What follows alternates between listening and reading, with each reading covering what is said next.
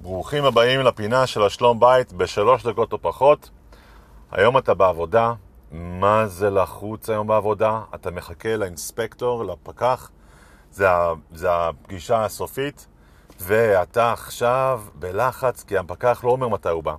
הוא מופיע בהפתעה היום, הוא נותן לך שעתיים מראש, ואתה מחכה לטלפון הזה. לא אכלת, לא עשית שום דבר, וחוץ מזה יש לה הרבה, הרבה דדליינס uh, אחרים. ומי מתקשרת? טמפרדם, אשתך בטלפון. עונה או לא עונה? זו השאלה. טוב, התשובה היא, יש מלכתחילה ויש בדיעבד. מלכתחילה, הלוואי שכולנו, יהיה לנו את השכל להבין שאנחנו באמת בעבודה על מנת ליהנות מהעולם הבא, על מנת ליהנות מהמשפחה שלנו. אנחנו עובדים בשביל לחיות, לא חיים בשביל לעבוד. ולכן האנשים שלנו הם הטיקט שלנו, הכרטיס לעולם הבא. הלוואי, זה מלכתחילה. בדיעבד, מה מצוי, כן? יש רצוי ומצוי. מה מצוי?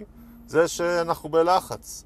ואם אשתנו, אנשים שלנו, אנחנו נענה לאישה, והיא תשאל אותנו, יקירי, מה אתה רוצה לארוחת ערב, ואתה לא אכלת לא ארוחת בוקר ולא ארוחת צהריים, כל שעה שלך תלקוצים עכשיו, יש לך יציקה על הראש, אז מה עשינו? יצא שכרו בהפסדו.